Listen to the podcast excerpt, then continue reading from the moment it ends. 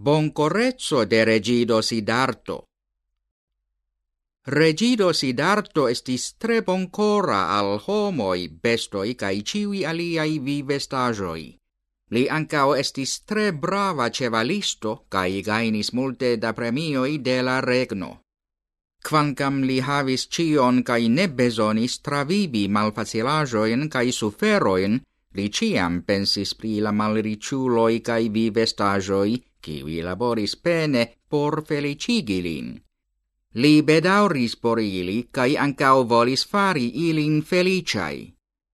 Iutage li pied iris en la arbaro cun si accuso devadatto, quiu portis cun si pafarcon cae sagoin. Devadatto subite vidis cignon flugantan, cae tui pafis gin. La sago trafis la cignon cae faligis gin. Ambao knaboi curis al la birdo. Sidarto curis pli rapide ol devadato, do li atingis la vonditan signon la unua, cae trovis gioi plene che la birdo ancora vivas. Li tenere tiris la sagon eo gia flugilo.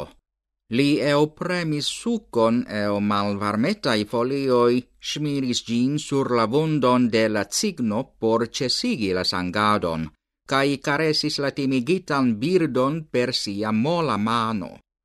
Ciam Devadato venis postuli la cignon, regido Sidarto rifusis donigin al li. Devadato colerigis, vidante che li accuso tenis la cignon for de li. Donu la birdon al mi, estis mi ciu faligis gin, diris Devadato. Ne, mine donos gin al vi, respondis la regido. Se vi iam mortigus gin, gi estus via predo. Sed nun gi appartenas al mi, char gi nur vondigis, cae o vivas. Devadato ne consentis pritio. Tiam Sidarto proponis, Ni iru alla iugeo de sagiulo, cae demandu lin, ciu raitas posedi la cignon? Devadato consentis.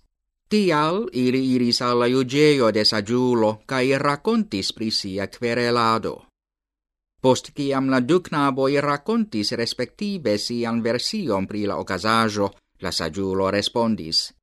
Vi vestajo certe appartenas al tiu kiu volas gin savi, vi vestajo ne povas apparteni al tiu kiu volas gin detrui. Sidarto raitas posedi la vunditan signon